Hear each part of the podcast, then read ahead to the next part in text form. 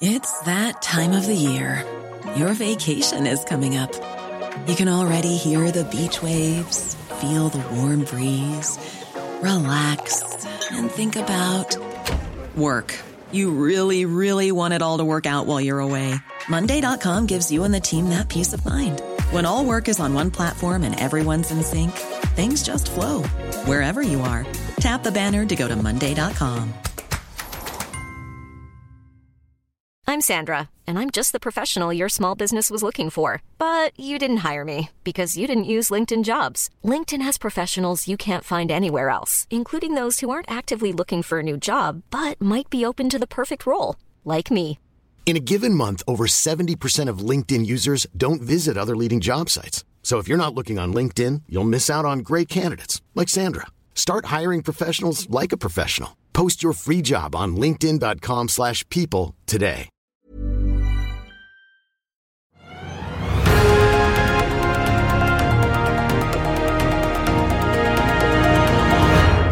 Hei, mitt navn er Marius Lorentzen, og velkommen til denne helgeepisoden av Økonominyhetene, der vi presenterer et utvalgt intervju fra uken som har gått. Hverdagene kan jo være hektiske, og det er ikke lett å få med seg alt som skjer.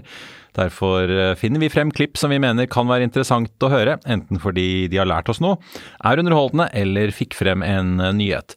Og med det så setter vi i gang, vær så god. Vi rett over til Theodor Søen Nilsen. Velkommen eh, til oss. Så tenker vi. Da er det vel eh, naturlig å snakke litt grann oljepris og oljefall og det som har skjedd de siste dagene. Kan ikke du fortelle litt grann mer om hva som er hendelsene bak her, og hva annet som skjer i markedet som er verdt å merke seg? Jo, absolutt. Eh, det er klart, Vi har jo sett en ganske sterk oljeprisoppgang siden eh, juni i år. eh, Og det har nok mye vært drevet i at nå har markedet begynt å tro på at du får pluss-minus to millioner fat lagertrekk i, i andre halvår. Så as we speak så er produksjonen er ikke nok til å dekke etterspørselen. Det er noe vi har sett egentlig gjennom hele året at kommer til å skje i andre halvår. Men på toppen av det så kommer jo, kom jo det forlenga kuttet til Saudi. Eh, og det er klart, det har nok vært det som har gjort at oljeprisen har blitt dratt over, over 90 nå. Eh, vært litt svak nå de siste dagene, og det går nok bare litt på sånn risk-off. Eh, mer fokus på geopolitisk risk, eh, kanskje litt sånn på etterspørselssiden. Og vi har jo selv skrevet litt analyser om hva, hva risken på kinesisk etterspørsel har gitt eh, det vi har sett der i total stopp i bygging. Eh, dere prata jo nettopp om USA, så det er vel ja, litt det som driver markedet. Og det har, ikke, det har ikke vært noen nye store etterspørsels- eller produksjonstall i oljemarkedet som skulle tilsi at den, den, den faller, men det er bare litt sånn litt mer risk-off. Så det er vel litt det som preger oljemarkedet akkurat nå. Nettopp. Men i morgen så har jo OPECs overvåkningskomité så har de jo møte. og Hva er det man venter eh, fra de i morgen? Eh, nei, i morgen så man forventer vel ikke sånn all verdens mye der, egentlig. Nå har jo Saudi sagt at de, mm, de, de kommer til å holde en million eh, kutt ut året. Det er det viktige. Eh, hva resten av OPEC gjør, det er egentlig ikke sånn kjempeviktig. Så jeg skulle gjette så det som skjer i morgen, blir litt sånn eh, non-event. Men man, man, man vet jo aldri. Så ser vi jo Siden oljeprisen faller, så er det jo veldig mye spekulasjoner på hvor oljeprisen skal. altså Hva er deres estimater, og hva tenker dere? Hva, hva er estimatene Ja. for året og tiden fremover? Ja, eh, vi, ja det, kunne man skrevet en bok om, så vi får passe oss i kortet her. Nei, på, eh, vi, vi har 85 dollar i, i snittestimat for Q4. Det er i hvert fall det vi legger inn i modellene våre. og det, Hvis du har den prisen her uh, ut året, så ser det ut som uh, ja, pluss pluss minus det. ikke sant? Det er akkurat nå er den litt, litt høyere. Til neste år forventer vi litt lavere oljepris. Eh, Det, det er tallet vi bruker. Det er kanskje overraskende lavt. Det er 75 dollar. Men det er mest pga. at det er, det, det er det vi bruker som terminalforutsetning på oljeprisen. Og det er utleda av hva vi ser på skiferolje i USA, og hva de selskapene som er rene skiferaktører, trenger for å ha 10 avkastning på egenkapitalen. Det er ikke sikkert det er riktig å bruke det 75-tallet fra allerede neste år. Kanskje det skal være fra 24, nei, fra 25 eller 26. Eh, hvem vet? Men eh, det er klart, går vi inn i året, eh, inn i 2024 på 90 dollar, eh, så får vi gjøre noen vurderinger på det. Men jeg, jeg tror der vi er nå på oljepris, er vi kanskje litt grann over det som er på en måte en mid-cycle realoljepris, for å bruke, bruke, det uttrykket. Så 75 er det vi bruker inn i neste år. så det er klart at, Men selv på 75 dollar så ser jo flere oljeselskaper ganske billig ut. Og det har sett enda billigere ut om vi hadde brukt dagens spotpris. Hmm. Så er det jo litt denne Du var jo sikkert på, også på Pareto-konferansen og fulgt med på det og det de sa der. og Da snakket de jo bl.a. om at uh, Det internasjonale energibyrået, altså EAI, uh, de venter peak oil i 2029. Mens Wood McKenzie estimerer 2032. Hva, hva er det dere tror om peak oil? Jeg tror 2027 det er altfor tidlig. Uh, vi har ikke noen punktestimat på det. jeg gjetter at det blir etter 2030. Og Grunnen til det eh, det er det at eh, hvis du tror på 2027, så er det jo eh, inn i neste år så forventer nå konsensus 1,5 millioner fat vekst i oljeetterspørselen til neste år. Og, det, og det er over snittvekst av det du har hatt de siste ti år. Kanskje fortsatt litt recover etter covid, men det er ikke veldig mye av det i 2024-tallene. Og da er det plutselig bare tre år frem til 2027. Det klarer ikke verden. Vi klarer det i Europa. Her, her er, kommer oljeetterspørselen. Den er vel egentlig allerede i ferd med å begynne å falle. Resten av verden, det er, det er ikke snakk om. Jeg tror uh, Det viktige her for et utslipp det er klart det å begrense uh, kullforbruket. Men jeg blir veldig overraska hvis, uh, hvis, verden fra 2027 strukturelt sett ser fall i oljeetterspørselen år over år. Så ja. Mm. Hva tenker du, Karl Johan? Nei, eh, du har så god spørsmålsliste her, Benedikt, at det er grunn til avvik fra den, så bare kjør på. Ja, jeg synes det var litt interessant. Han, eh, vi hadde jo intervju med han Berge Gert Larsen, altså oljemannen, og fulgt med på olje mange mange år. han, og Han tenkte jo, eh, uttalte det at olje peak oil bare er tull. Hva, hva tenker du om den kommentaren? Ja. ja nei, Berge kan mye om olje, han, men bare tull. Det, det, det, det, kommer lenger ut i tid enn det vi sitter og planlegger for nå, tror jeg. Og En interessant observasjon som vi også vi har skrevet en del om i analyser, er at det ser ut som eh, oljeinvesteringene nå globalt de er allerede tilpassa en situasjon hvor man tror på, på peak oil demand om noen få år. Om det er 2027, 2028 eller 2029, det vet jeg ikke. Men det, det ser ut som oljeinvesteringen nå ikke er tilpassa eh, at du får peak oil demand eh, etter 2035 f.eks. Så, så, man er nok i ferd med å kalibrere tilbudssiden eh, på, på, olje her. Og det kan jo godt hende at det blir ganske stramt frem i tid her. Så at det kommer eh, i hvert fall én oljesykkel til, kanskje to, det er jeg helt sikker på. Før, før man på en måte ser en strukturell nedgang i oljetilspørselen. For det man skal huske på, det, her er det stor materie. Det er veldig trege investeringsbeslutninger. Det tar lang tid fra du gjør en investeringsbeslutning til du ser eh, påvirkning på, på, på, tilbudet, og tilsvarende på etterspørselssiden. Det tar lang tid å tilpasse seg eh, og bruke andre energibærere. Det er kanskje bare i Norge hvor vi har klart å gjøre det såpass kjapt med elektrifisering av deler av bilflåten. Det, det, det skal mye til for å gjøre det i andre land.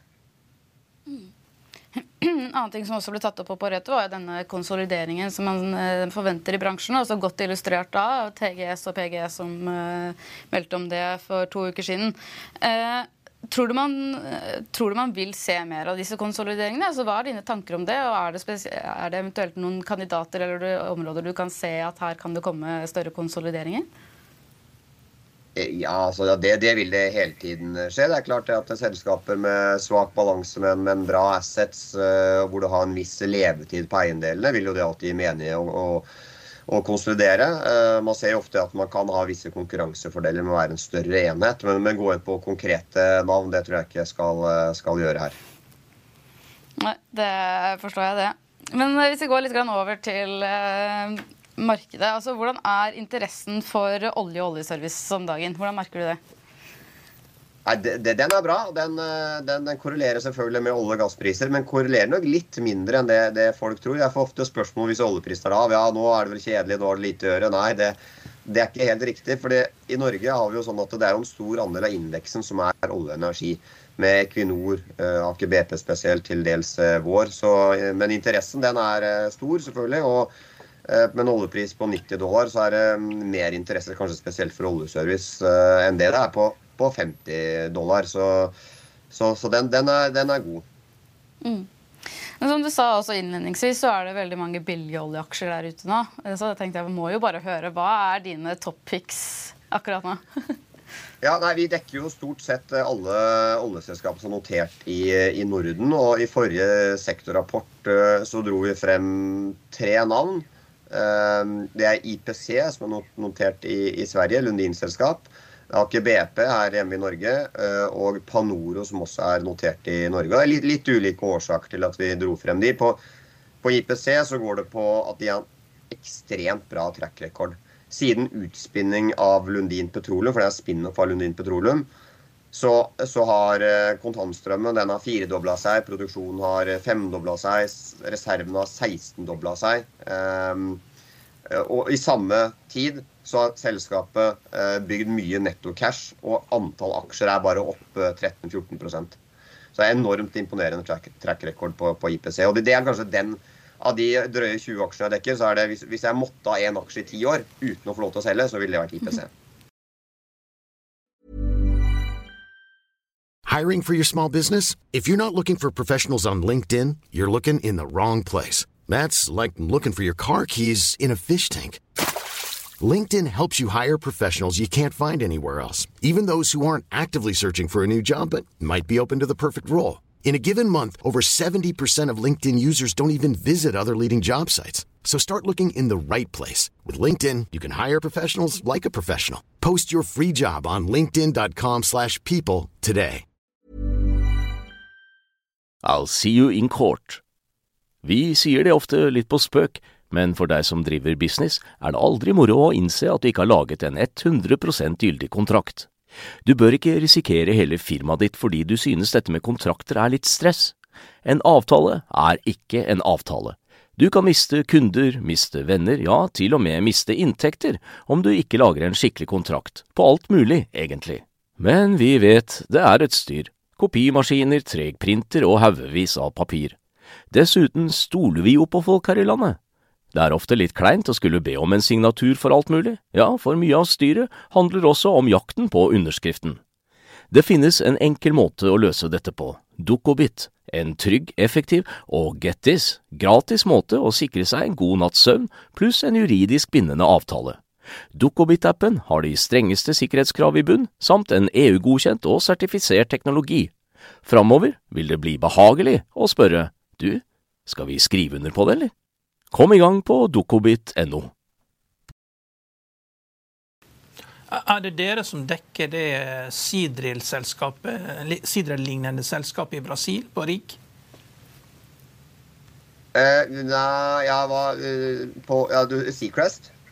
Nei, ikke sikkerhets. Det var, det var, en anbefaling. Det var kanskje ikke eh, dere som hadde den uh, anbefalingen. Det er ingen brasilianske riggselskaper som er notert okay. der? Det gjør vi ikke. Nei. Mm. Men det er ikke alle som er notert i, i, i, Oslo og en del av de store okay. i USA. Mm. Du har også tidligere dratt frem Maha Energy. Hva er din tanke? Eh, ja, Det begynner å bli en stund siden. Det er kanskje et par år siden. eller sånn, og det var en topic. Men er, det, er jo, det, er jo, kjempespennende. Det er jo, markedsverdien er ikke veldig mye mer enn eh, netto cash. Eh, det er et lite selskap, selvfølgelig, så, så, det er klart at det er noe høyere risiko enn en f.eks. IPC og, og Aker BP. Men det som er spennende der, eh, det er som sagt veldig sterk balanse. De har en opportunistisk strategi med å kjøpe eh, eiendeler i, i Brasil. Kjempebra styre og management, og helt klart en relativt lett forståelig strategi, og ikke, ikke kjempe, kjempedyre. Men det er klart, akkurat nå har selskapet såpass liten produksjon så jeg skal ikke si det er vanskelig å regne på, men, men man trenger nok litt mer størrelse på det for at det, det, skal ha en appell til på en måte den brede investorbasen her i, i Skandinavia. Mm. Men du dekker eh, totalt er det vel litt over 20 selskaper, stemmer ikke det? Hvor stemmer. mange av de er det du nå har kjøpsanbefaling på?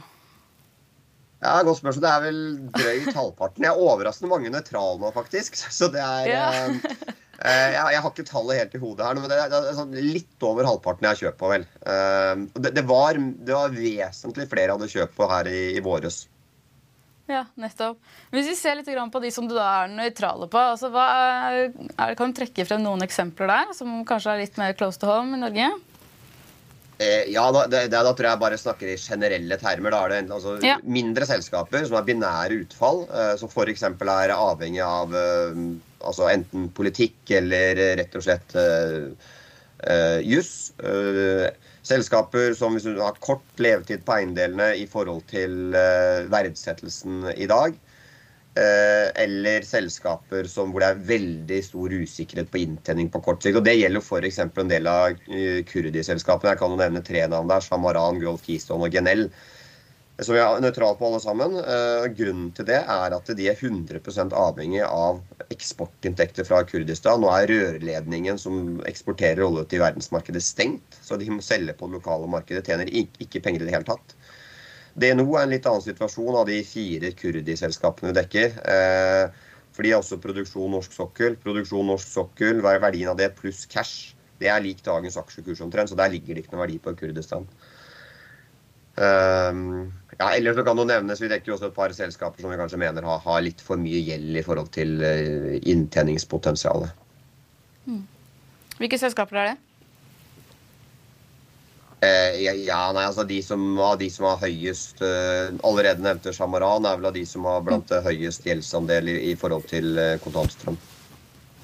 Hva, hvis vi ser litt fremover, uh, hva er det som kommer til å prege oljesektoren nå? Altså, Hva er det investorene ser mot? Hvilke hendelser er det som kommer til å sette sine spor for denne sektoren? Jeg tror, eh, Hvis vi zoomer litt ut, så er det som er mye viktigere nå enn for et par år siden, det er europeiske gassmarkedet. Det, før var det ingen som brukte tid på det. Man modellerte gjerne gasspris som en funksjon av oljepris. Det er det slutt på. Nå må man ha ordentlig syn på hva er tilbud og etterspørselen, hvor kommer LNG-en fra, hva blir prissetteren. Eh, gassituasjonen i Europa er ikke fiksa ennå. Eh, vi mangler fortsatt mye av de 40% som Russland sto for på gassiden. Det er jo også forklaringen til at uh, gassprisen har vært veldig volatil eh, siste, siste året, eller drøyt året. Så det kommer til å bli fokus. Når er det vi har et normalisert gassmarked i Europa? Vi, vi tror det er fra sånn 26-27 omtrent. Um, ellers så er det jo uh, nå er det jo det, det, er kanskje en av mine sånn, kjepphester. Stort sett på, på, høsten er det jo dessverre sånn at oljeaksjer går dårligere uh, i gjennomsnitt enn markedet uh, som, som helhet. Det er jo velkjent at markedet går best i første halvår og ikke ha avkastning i andre halvår i snitt. For oljeaksjer så er den sammenhengen mer ekstrem. Det er gjerne svak utvikling på høsten.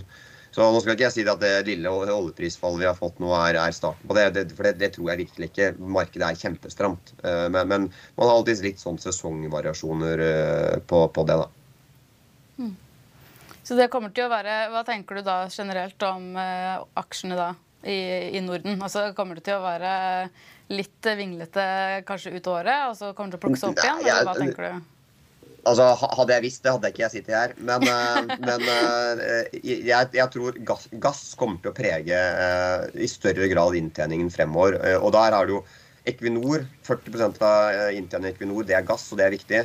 40% av produksjonen til vår er gass. For Aker BP er det bare 15% men det er fortsatt fortsatt noe som er eh, egnet til å påvirke inntjening. Og de, to, de tre store gigantene som på, preger oljesektoren på Oslo Børs, der er det viktig eh, å følge med på gass. Og nå, nå, er det jo det som er interessant på det nå, er jo at vi begynner å nærme oss fyringssesongen. Da stort sett så går gassprisen opp. Det er basert på da historikk siste 20 år. Fyringssesongen i Europa starter rundt 1.11. Problemet er bare nå at nå, er, nå sjekka jeg gasslagrene rett før vi gikk på sending her. De, de er jo 96 fulle nå. Det, det, er ikke plass til mer gass. Eh, det høyeste jeg har vært noensinne, det var 2019. Da var fyllingsgraden på gasslagrene i Europa 97 eh, Og idet de traff 97% da falt gassprisen ganske markert et par dager. Eh, men så kom den seg opp igjen, og det var egentlig litt sånn non-event. Så det kan godt hende vi går og venter på den dagen at gasslagrene piker. Om det blir 96 eller 97 eller 98 nå, det vet jeg ikke. Men det kan godt hende vi får en dag eller to nå nærmeste ukene hvor plutselig gassprisen faller 10% uten at man Det er noe annet fundamental grunn, at lagrene er fulle. Men så går du inn i fyringssesong, og det er det som er viktig. Det er det som påvirker inntjeningen til selskapene. At gassprisen faller 10% i en eller to dag, det påvirker ikke et kvartal, altså inntjening for et kvartal i det hele tatt. Men det var i hvert fall det som skjedde sist. Så det blir kjempespennende å følge med på hvordan det der spiller seg ut nå. Mm. Ja, Det skal vi selvfølgelig holde øynene oppe for, eh, Theodor. Eh, jeg tror vi må runde av der, men tusen takk eh, for at du kom. Og det var det vi hadde for deg i denne omgang. Du finner flere klipp inne på f1.no-tv, eller ved å søke opp Økonominyhetene hos Apple, Spotify eller der du måtte høre på podkast. Mitt navn er Marius Lorentzen, og vi er tilbake igjen på mandag med Børsmorgen og Økonominyhetene. I mellomtiden så ønsker jeg og alle vi her i Hegna Media deg en riktig god helg. Takk for nå. Økonominyhetene er en podkast fra Finansavisen. Programledere er Marius Lorentzen, Stein Ove Haugen og Benedikte Storm Bamvik. Produsenter er Lars Brenden Skram og Bashar Johar. Og ansvarlig redaktør er Trygve Hegnar.